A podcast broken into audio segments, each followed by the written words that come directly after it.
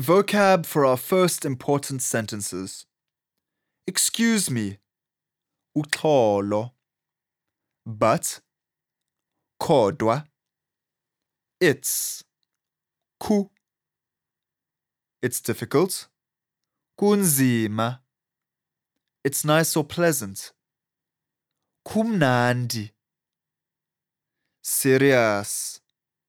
Nyani. A little. Kancinci. Only or just. Nje. Request. Cela. Or.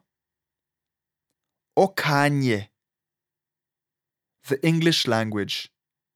IsiNgesi. Afrikaans.